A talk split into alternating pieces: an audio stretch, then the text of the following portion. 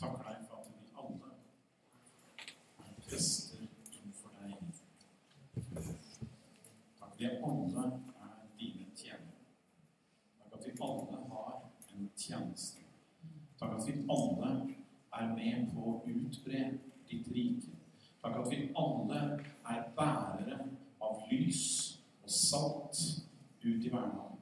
Takk at vi alle er kalt av deg, utrustet av deg, istandsatt av deg. Herre, takk for det du bruker hver og en som er i dette bygget i kveld. Store og små, Herre. Du bruker alle til ditt rikes utbredelse og til ditt navns forherligelse.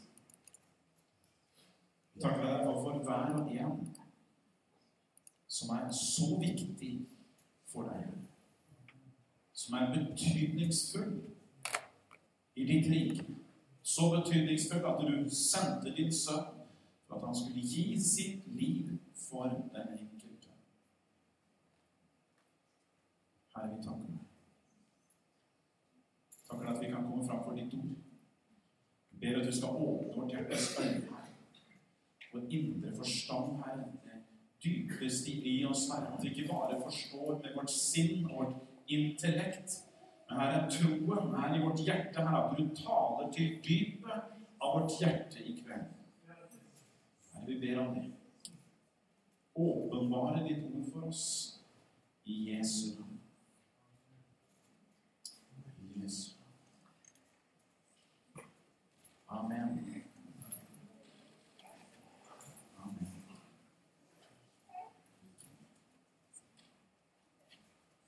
Er klar over at du er på et historisk møte i kveld. Ikke bare fordi dette her er første gangen i historien dette møtet foregår, men det vi gjør her i kveld, er rett og slett en historisk hendelse. Og det kan godt hende når historien skrives om 100 år, så har vi vært med å sette en agenda i kveld. Jeg har nemlig en ambisjon som er ganske hårete. Er ikke bare min ambisjon, og jeg kan si det med frimodighet, fordi at vi har bedt sammen i lederskapet i Livets Vann og i Betania over et år. Vi har snakka sammen. Vi har redd hjerte med hverandre. Vi har snakka om svakheter. Vi har snakka om styrker. Dette er et historisk øyeblikk. I Josva så står det et vers i kapittel 3, vers 4. Men det skal likevel være en avstand mellom dere og den, altså pakten, på omkring 2000 av dem. Kom ikke nær dem, så dere kan få vite hvilken vei dere skal gå. For dere har ikke gått denne veien før. Dette er skriftsted som eh, vi som lederskap har brukt om den prosessen som vi er i gang med i det å finne ut av hvordan ser enhet ut? Hvordan ser enhet ut? Er det enhet det vi har nå? Mitt svar er nei. Dette her er logistikk og organisering. Vi har blitt enige. Vi samles her og har et møte. Møtet begynner klokken fem. De og de skal synge, de og de skal lede. Det og det skal skje. Det er enkel logistikk. Det foregår overalt. I politiske partier, i organisasjoner, foreninger. Overalt så har man møter sammen. Dette er ikke enhet. Når vi snakker om enhet i bibelsk forstand, så har man en mye større ambisjon. Enhet er heller ikke at man slår seg sammen. Det er mange som tenker sånn, så hvorfor kan man ikke bare slå seg sammen? Alle menighetene skulle bli én stor menighet. Og det er mange som er på den linja der og mener at det skulle vært én stor menighet. vet du hva? Det er fullstendig ubibelsk. For det, Bibelens bilde av enhet er mangfold. Man bruker bildet om et legeme. Og et legeme har mange lemmer. Fordi at det er mange typer mennesker. Og vi skal nå alle typer mennesker. Og da trenger vi alle typer menigheter. Enhet det er at én pluss én blir bare fortsatt én. Du har ikke vunnet noe i Guds rike. Har ikke kommet noen vei i Guds rike. Man har ikke gått noe sted i Guds rike.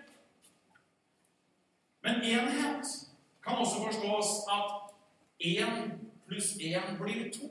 Og det er litt av den ambisjonen som vi har her. Vi sier to menigheter under samme tak. To menigheter under samme tak. Og det kan godt hende det blir tre menigheter. Vi har flere som er fra andre steder enn Norge her, sånn at de sier at vi ønsker å ha menighet. Og vi ønsker å ha menighet. Så er det mange menigheter under samme tak. Er det en én pluss én blir da to?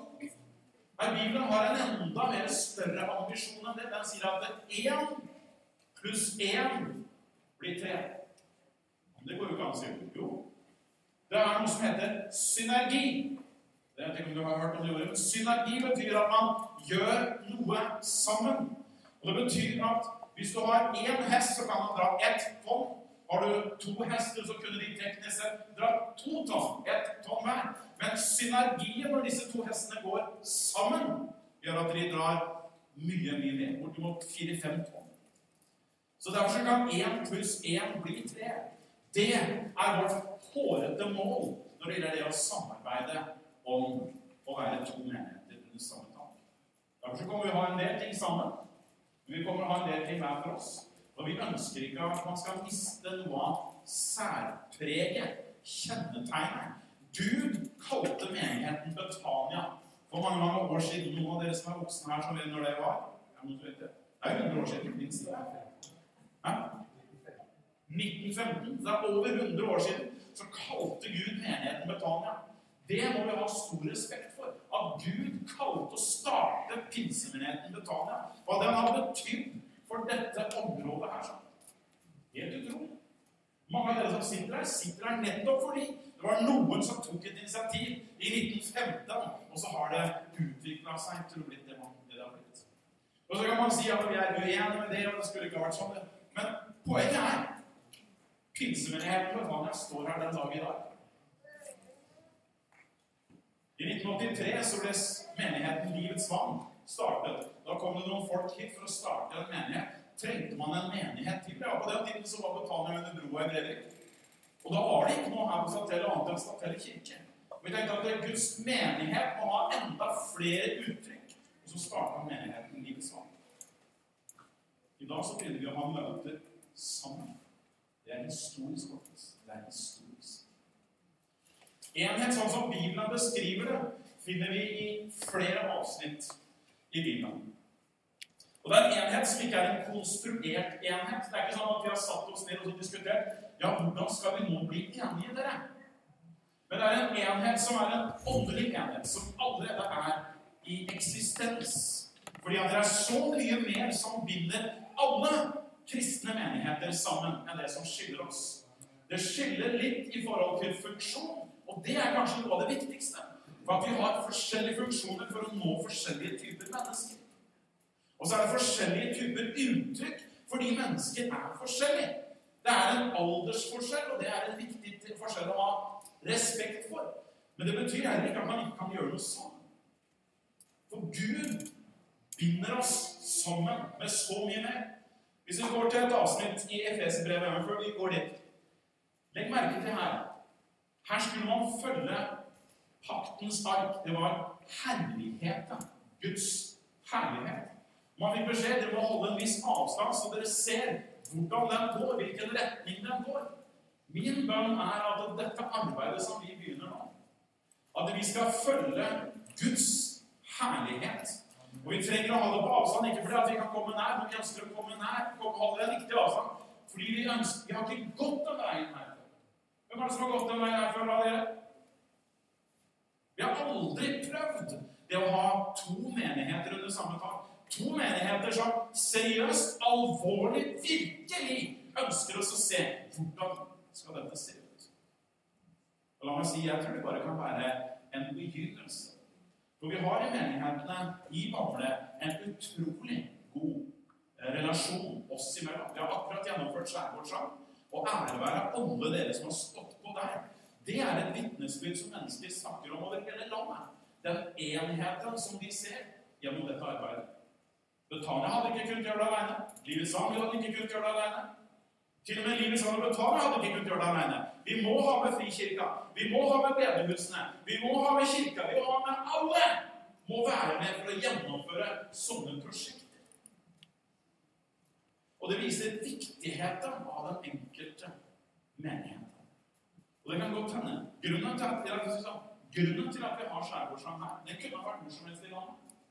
Men hovedgrunnen til at det ble lagt her, var fordi at når Morten og Svein og de her begynte å se seg om hvor kan det være et sted der man kan arbeide med det konseptet som skjærgårdssang er, så så man at her i Gamle er det enhet mellom menighetene.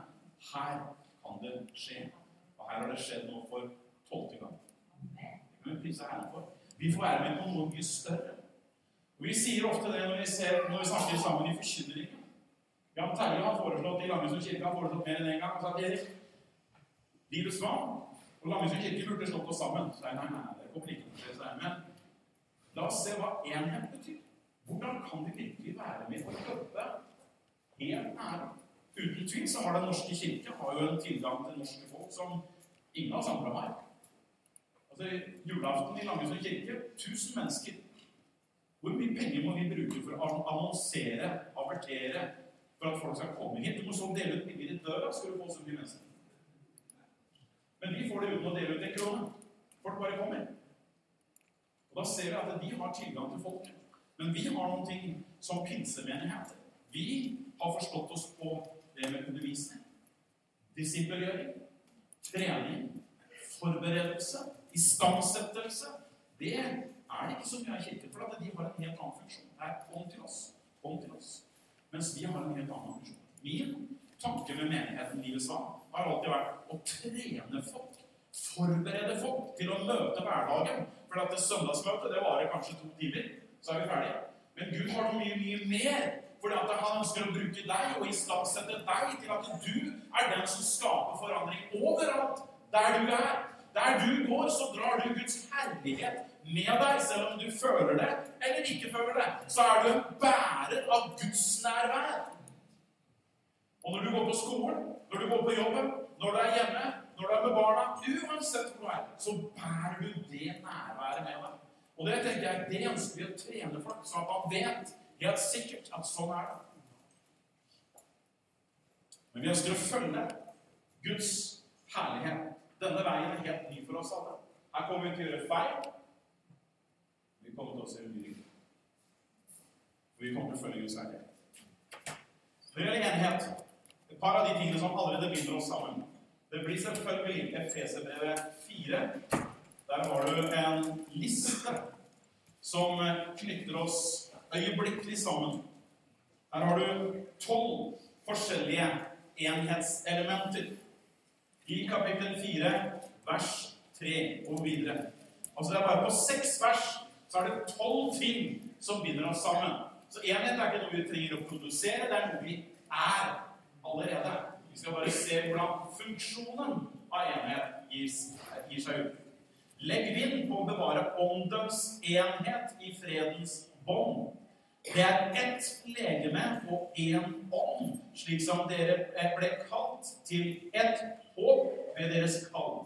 Det er én Herre, én tro, én dåp, én Gud, alles far. Han som er over alle, gjennom alle og i dere alle. Alt det der kan alle kristne menigheter si amen.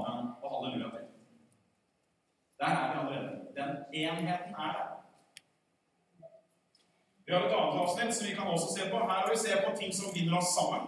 Vi må se på 1. Korinterne 12. og Der ser vi at uh, dette bildet om legeme blir eh, synlig.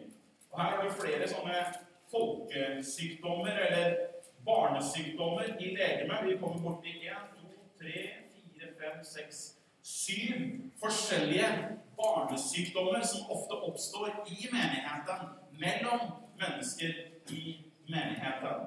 Vi ser ifra kapittel 12, og vi kan lese fra vers For sammenlignens skyld vers 12 For slik som legeme er ett Legg merke til at legeme er ett. Og har mange lemmer. Men alle de mange lemmene ene legemet er ett legeme. Slik er det også med Kristus. Så enheten vi snakker om her, er en enhet som er, binder oss sammen i Kristus. Mange lemmer handler om funksjonalitet. Denne armen har én funksjon. Denne armen har en annen funksjon. Jeg klarer ikke å klappe i hendene med én hånd. Jeg må ha to for å få det til. Funksjon er det som på en måte gjør at vi trenger ulike typer menigheter for å nå mennesker av forskjellig kaliber og valør. For i én ånd ble vi alle døpt inn i ett legeme. Enten vi er jøder eller grekere, enten vi er slaver eller frie. Og vi har alle fått én ånd å drikke. Merk deg differensieringen mellom menneskegrupper her. Her er det snakk om jøder og grekere. Det sier kanskje ikke så mye for oss som lever i et moderne samfunn, men på den tiden så kunne du ikke få større motparter. Jøder levde etter loven, levde etter Det gamle testamentet, fulgte lovpaktene av dette her. Grekerne var rene, skjære hedninger. Det var der vi var. Man var også filosofer, intellektuelle. Det var også en del av dette her. Men disse to grupperingene de var så forskjellige at det var nesten umulig å se det for seg at disse kunne gjøre noe sammen. Og det er derfor Når du leser Apostlenes gjerning, når Peter blir sendt til hedningene for første gang, så måtte bare Gud åpenbare seg noe kraftig for å vise at dette mener jeg alvor om. Har jeg renset og kalt noe rent, så kan ikke du kalle det urent. Og Gud klarte på den tiden der å forene jøder og hedninger. Og så har du det ytterligere. Slaver og frie. Igjen totale ytterpunkter. Det var umulig å se for seg større ytterpunkter enn dette her. Alle var ett i Kristus, står det her sånn én ånd og drikke. For legeme er da ikke bare ett lem, men mange. For hvis foten skulle si Her har du mindreverdskomplekset. Hvis foten skulle si fordi jeg ikke er hånd, er jeg ikke lenger en del av legemet. Men, eh, men eh, er den da ikke en del av legemet? Det er mindreverdet. Når vi sammenligner oss, vet du hva? det er den største synd i Guds rike. Det er å sammenligne seg. Ikke bare menigheter imellom, men også individuelle. Altså enkeltmennesker. Når du begynner å sammenligne deg med noe annet, da begynner du å prøve å kopiere istedenfor å være en original. Gud har bare originaler.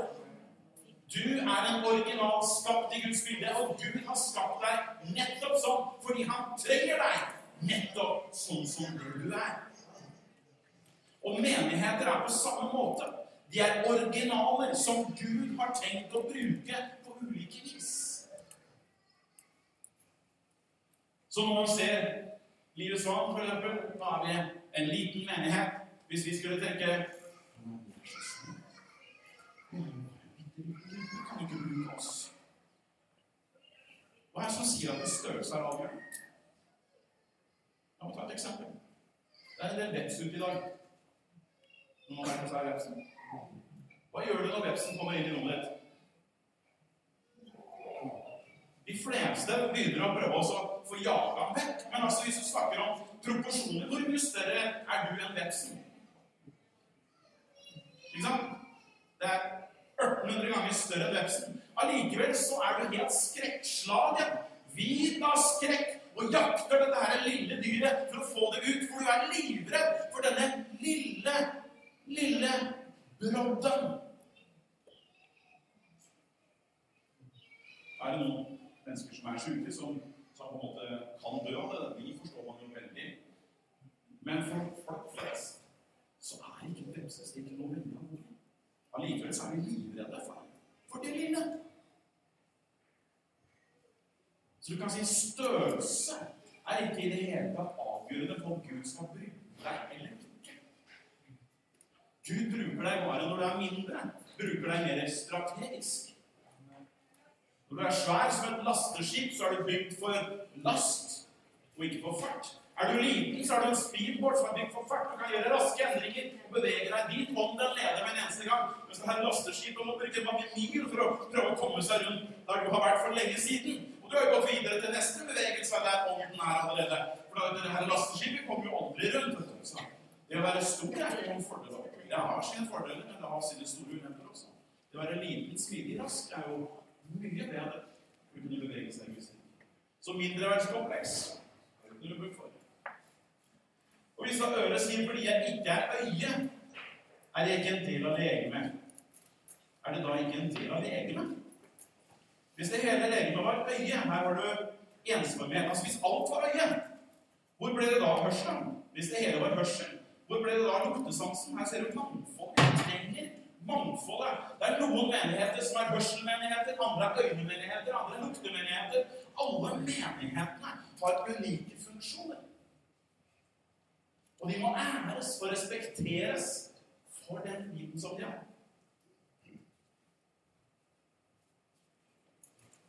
Skal vi bare gjennom videre? Du skjønner, skjønner tegningen? Men nå har Gud satt ett eh, Han har satt lemmene. Gud har satt lemmene.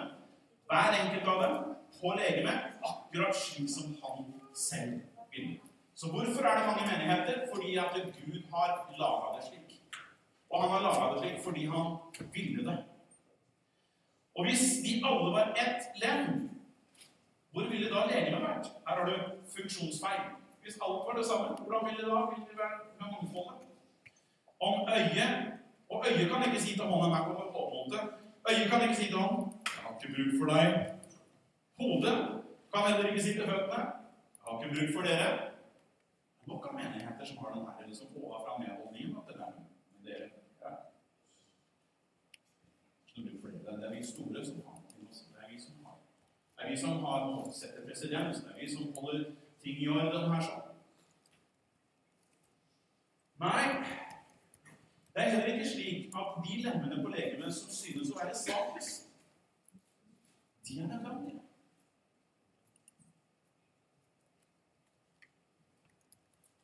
Hvilken, hvilken del i kroppen min er den viktigste? Hvilken del er den viktigste? Hjerte, hode Det er helt feil. Alle er viktige. Hva kan hjertet gjøre uten hodet? Hva kan hodet gjøre uten hjertet? Hva kan hjertet gjøre uten kroppen? Altså, alt er vesentlig. I våre sammenhenger i menigheter så har vi ofte lagt vekt på det ytre. Plattform. Bare man får vært på plattforma? Ja, der, der, der var Erik, så der er liksom. Det her er ingen viktigere tjeneste enn noe annet. La meg si det slik. Dette er den minst viktige tjenesten. Det er den synlige. Jeg kan klare meg faktisk uten den her synlige armen. Men jeg kan ikke klare meg uten det usynlige hjertet. Jeg kan ikke klare meg uten de usynlige indre organene. Kanskje uten en nyre, men stort sett så er det helt nødvendig å ha alle disse indre organene på plass. Men en del av det indre kan man faktisk klare seg ganske greit. Ikke hodet, men altså en del av det andre går ganske greit. Så hva er den viktigste tjenesten i menigheten? Er det plattformen? På ingen måte. Din tjeneste er den viktigste. Uansett hvor den måtte være. For det er ingen som kan gjøre den tjenesten du gjør. Du er en original som Gud ønsker å bruke, som han trener, istandsetter til å skape forandring der du er. Jeg møter aldri dine naboer. Jeg møter aldri dine kollegaer. Jeg møter aldri dine medstudenter. De er det du som møter. Derfor er din tjeneste særdeles viktig. Den funksjonen som er fra plattforma, er at vi er en tjeneste for å hjelpe deg og oppmuntre deg alt vi kan til å gripe den tjenesten som Gud har satt deg til å gjøre. For det er der forandringen skjer. Folk blir ikke frelst her på plattformen, folk blir frelst i hverdagen. Der du er. Naboene dine, når du snakker med dem. Det er der folk blir frelst. Jo, vi har hatt en periode der vi hadde vekkelsesmøter i menighetene. Men jeg vet ikke om den perioden kommer igjen. Da må Gud gjøre noe helt unikt. og Vi ønsker det velkommen. for bevare meg vel. Men hvem er det du skal invitere som skal komme og preke sånn at ikke-kristne skal komme og høre det? For at de skulle være interessert? Ingen i det hele tatt. Men ditt liv Ditt liv ser de. For det ser de i hverdagen. Hvordan du møter utfordring, hvordan du møter vanskeligheter. Det er det vitnesbyrdet som de menneskene forholder seg til. Det er det som skaper inntrykk. Det er måten som du lever på.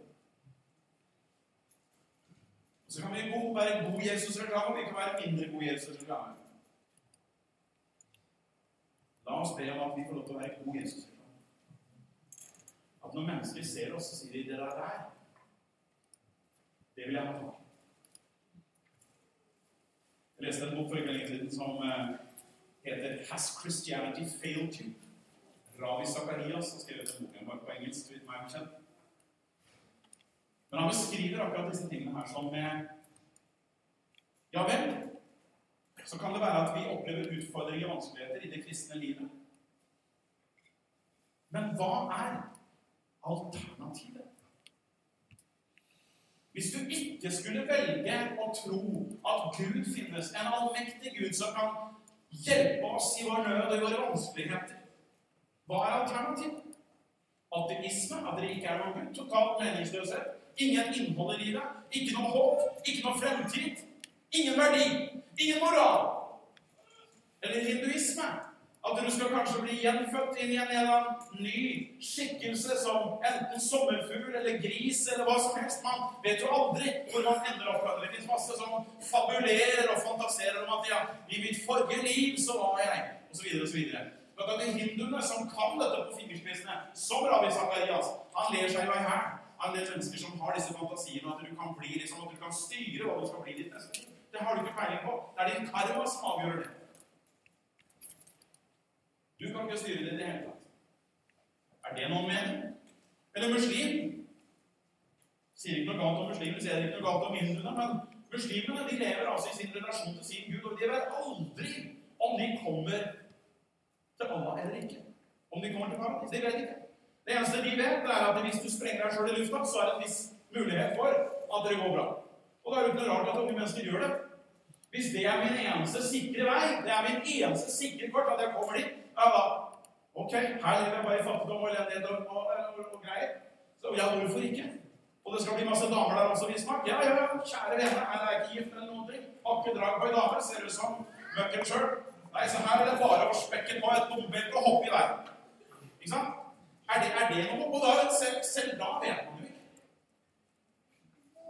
Det jeg sier, og som Ravi Zakarias understreker Vår tro Vår tro bygger både rasjonelt, emosjonelt på mye bedre premisser enn noen annen tro i verden.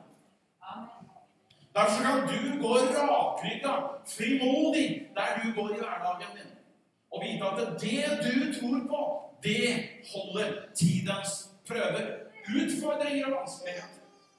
Ok, så vil det være sånn at man sier ja, men jeg har bedt til Gud, og han har liksom ikke kommet. Nei, han har ikke gjort Nei, men det er for så vidt så sin sak.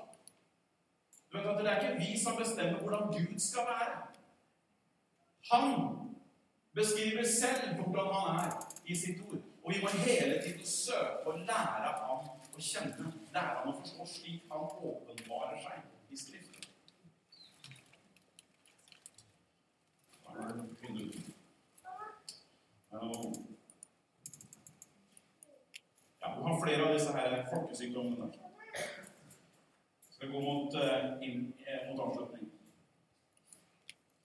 Lære. En del mennesker er ganske allergiske i forhold til å snakke om ordet lære. Doktriner. Og tenker ja, men tørr teologi har vi ikke bruk for. Nei, det har vi ikke bruk for. Men teologi har vi bruk for. Lære og forståelse. Det du tenker, og det du tror, påvirker dine valg, dine verdier, din måte å leve på. Det er også et element av følelser innimellom her sånn. Og følelsene kan noen ganger overstyre det vi vet er fornuftig. Følelsene de tar over når vi blir fristet over evne. At du gjør noe som du vet egentlig er feil, men du gjør det allikevel for følelsene tok overhånd.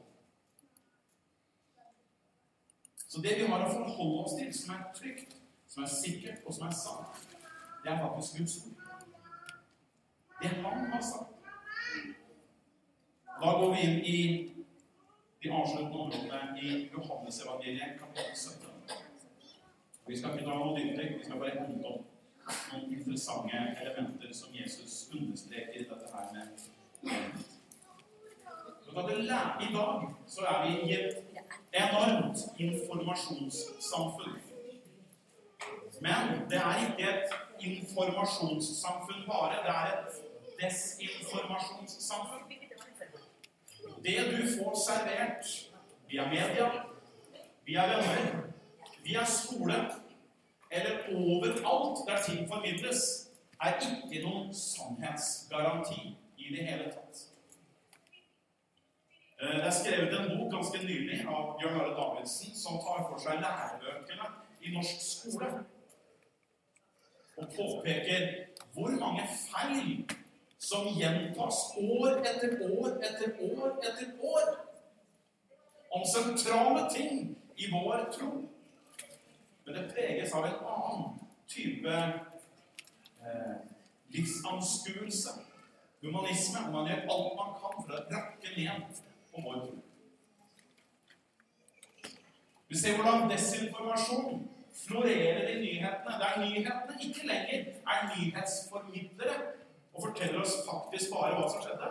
Men vi ønsker å skape nyheter, som TV 2 har avslørt. Når du hører dem, så skjønner du at nå har de avslørt noen ting.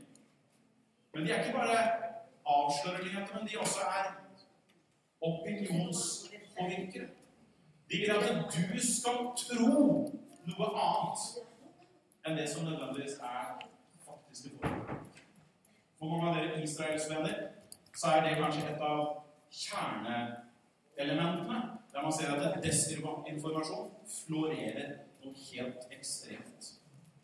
Men vi ser også at desinformasjon når inn til mennesker i Norge.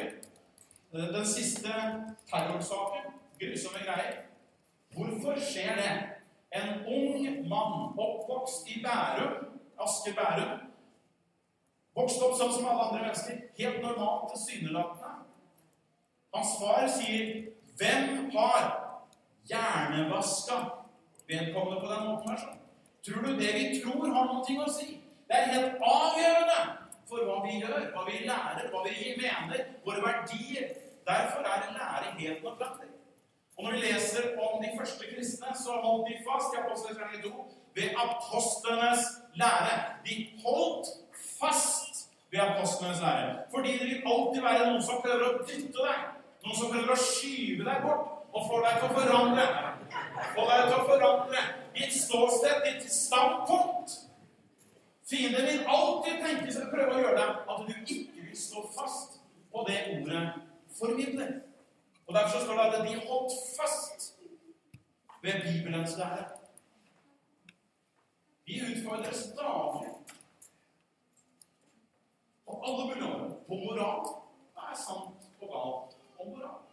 Hva er sant og galt om etikk? Hva er sant og galt om vitenskap? Hva er sant og galt om abort. Hva er sant og galt om samkjønna ekteskap? Hva, hva er sant? Finnes det noe som er sant?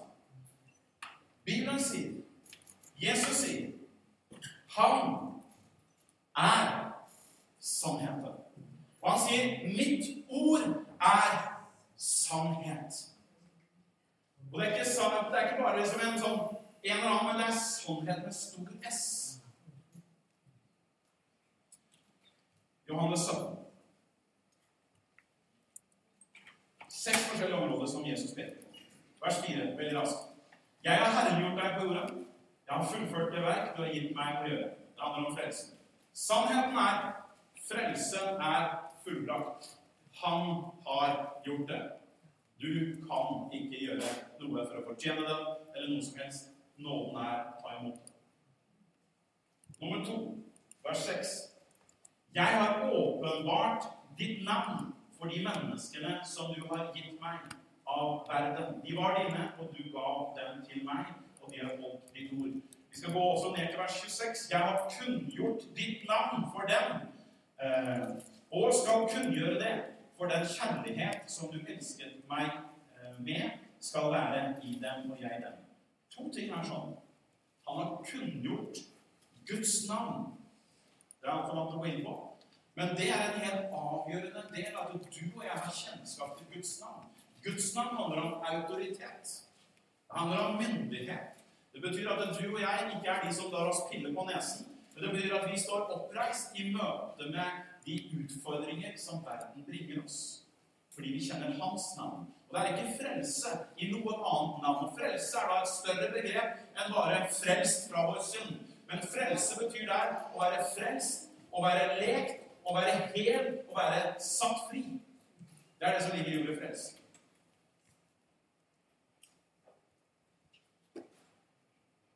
Vers 8. For jeg har gitt dem de ord som du har gitt meg. Og de har tatt imot det, og de har i sannhet erkjent at jeg er utgått fra deg. Og de har trodd at du har utsendt meg. Vers 14 fortsetter det her. Jeg har gitt dem ditt ord, og verden har hatet dem fordi de ikke er av verden, slik som de, jeg ikke er av verden. Vers 17. Hellige dem i din sannhet. Ditt ord er sannhet. Hellige dem i sannhet. Ditt ord er sannhet. I kristne sammenhenger så har vi vært eksperter på å spille leke Den hellige ånd. Vi skal fortelle mennesker hva som er rett og galt. Om lover og gjerninger og det ene og det andre.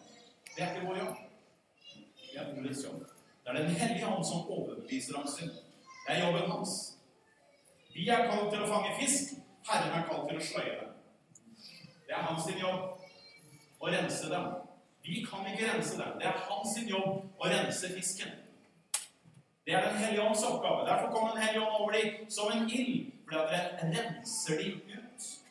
Og ordet, når vi leser ordet, tar til oss ordet, så vil det utfordre oss til stadighet og sette oss på sporet, sånn at ting legger seg på riktig rekkefølge. Utsending, vers 18. Slik som du har utsendt meg til verden, har også jeg utsendt dem til verden. Den måten som Jesus ble sendt ut, er samme måte som du er sendt ut. Det vil si at du er Guds plan når det gjelder å nå mennesker ut i verden. Du er Guds plan. Og du er utsendt med den samme myndighet, det samme navn, den samme sannhet, den samme salvelse, den samme hellige ånd, er du sendt ut i hverdagen. Akkurat som Jesus. Oppdraget vårt. Vers 21. Jeg ber at de alle må være ett, slik som du, far, er i meg og jeg i deg. At også de må være ett i oss, for at verden skal tro at du har utsendt meg.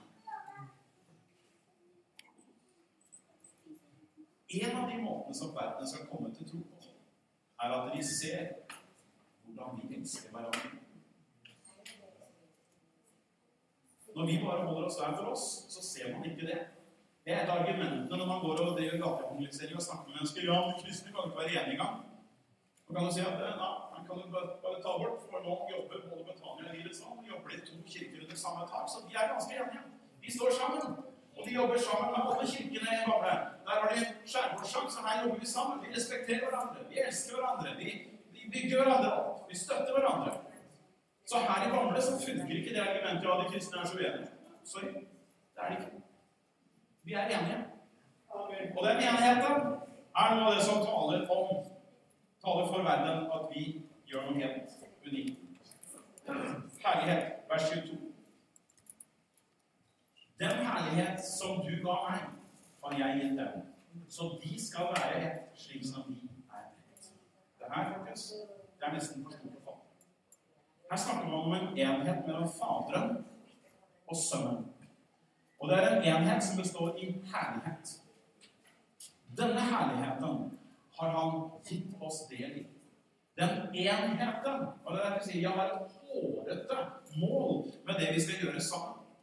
Den enheten her kommer ikke til å ha noen begrensning. Det er ikke bare at vi er enige og har et møte i men vi kommer til å teste og så se hvor langt kan vi gå til å se at denne enheten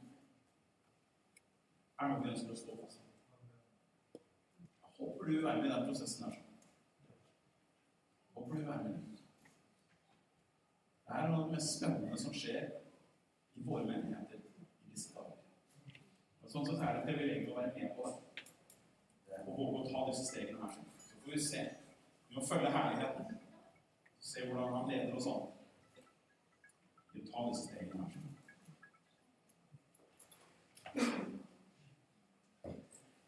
Herre,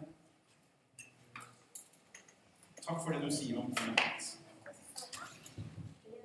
Det vi ser i dag, Herre, det er at enhet er mye mer enn å slå oss sammen. Eller bli enige om å møte sammen. Men du ser for deg en synergifunksjon her. Der vi som menigheter tar dette her på det ramme alvor for at vi bærer det som holder deg sammen, det som holder treenigheten sammen. Det er nettopp denne herligheten som du har gitt oss del i. Vi ber deg, far, la oss få se det. La den bønn som du ba, jeg ber at vi skal være helt like som vi er. La den bønn være med og i oppfyllelse. Ikke bare med våre to menigheter, eller med Sarum om de henger seg på, eller, eller i andre menigheter, men Herre, må vi få lov til å være en tid der vi ser at menigheter står hverandre nærmere enn noensinne. Og at vi kan være med å utrette de ting som vi har sendt